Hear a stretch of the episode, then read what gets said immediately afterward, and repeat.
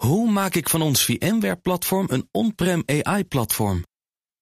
Lenklen, NVIDIA AI Enterprise Partner. Lenklen, betrokken expertise, gedreven innovaties.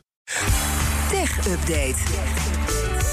Conor Klerks, goedemorgen. Hey, goedemorgen. Europese toezichthouders moeten Nintendo aanpakken, zegt de Consumentenbond. En, en waarom dan wel?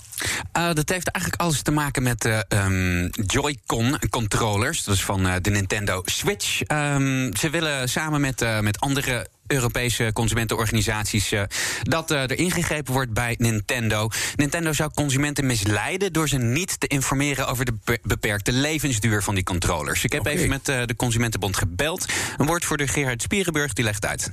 Nou, wij vinden dat Nintendo consumenten misleidt omdat ze weten dat ze ondeugdelijke producten verkopen. Het gaat om de Joy-Con, dat is eigenlijk de controller van de Nintendo Switch. Uh, ze weten dat dat ding niet deugt, toch blijven ze hem verkopen. En dat niet alleen. Als zij uh, als consument er volgens klagen omdat dat ding kapot gaat... dan uh, biedt Nintendo eigenlijk te weinig mogelijkheden tot vervanging of gratis reparatie. En wij vinden dat dat moet veranderen. En wat willen jullie exact van Nintendo? Nou, we willen in ieder geval dat ze consumenten beter informeren over de beperkte levensduur van die controllers. Want dat is echt heel beperkt. De klachten die wij kregen, daaruit blijkt dat uh, 80% van die controllers binnen twee jaar kapot gaat. Uh, Zo'n 60% binnen een jaar en een kwart zelfs binnen een half jaar. Nou, dat is veel sneller dan consumenten zouden mogen verwachten. Dus daar moet Nintendo duidelijk uh, over zijn. En uh, verder moeten ze gewoon consumenten helpen die tegen problemen aanlopen. En met helpen bedoel ik ofwel die controller vervangen of hem gratis repareren. Ja, de topman van Nintendo heeft in het verleden al wel excuses gemaakt over die controllers, maar dus nog geen actie ondernomen. Dan moeten we hebben over GameStop. Dat zijn die fysieke winkels uh, in Amerika. Ja. Daar gaat het heel goed mee ineens. De beurskoers die gaat door het dak. Ja, dit is zo'n bizar verhaal. Ik, uh, ik kan eigenlijk bijna niet stoppen met lezen hierover. Het is opnieuw de grootste stijger op Wall Street. Het aandeel sloot uh, gisteren plaatselijke tijd 92,7% hoger dan een dag eerder. Net geen 148 dollar. En die koers die gaat eigenlijk sinds vrijdag uh, totaal door het lint. Al weken heel erg uh, aan het stijgen. Uh, Elon Musk heeft zich er ook tegenaan bemoeid. Aan het einde van de middag tweette die GameStonk. En dat is verwijzing met een linkje naar een Reddit-pagina Wall Street Bet.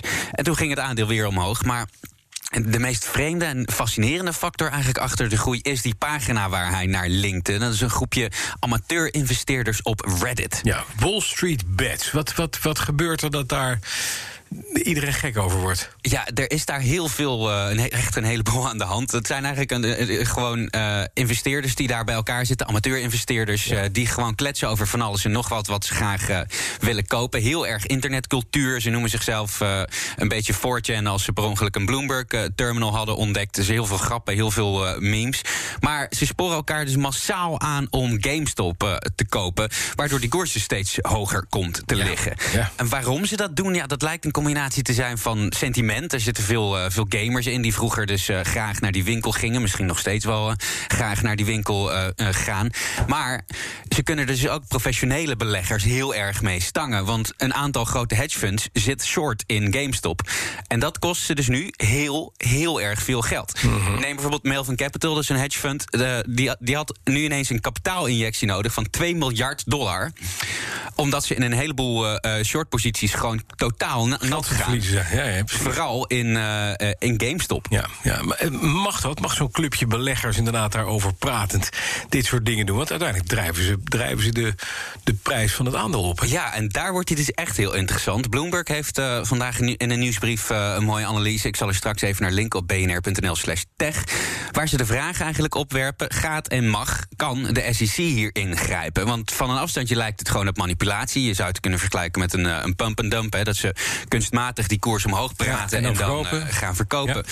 Maar daar is eigenlijk een soort leugen of valse informatie voor nodig om, om, om dat fraude te maken. En op Reddit zijn ze gewoon openlijk voor de gein bezig. Ze zeggen eigenlijk: Kom jongens, zou het niet grappig zijn als we massaal deze, deze aandelen gaan, gaan kopen?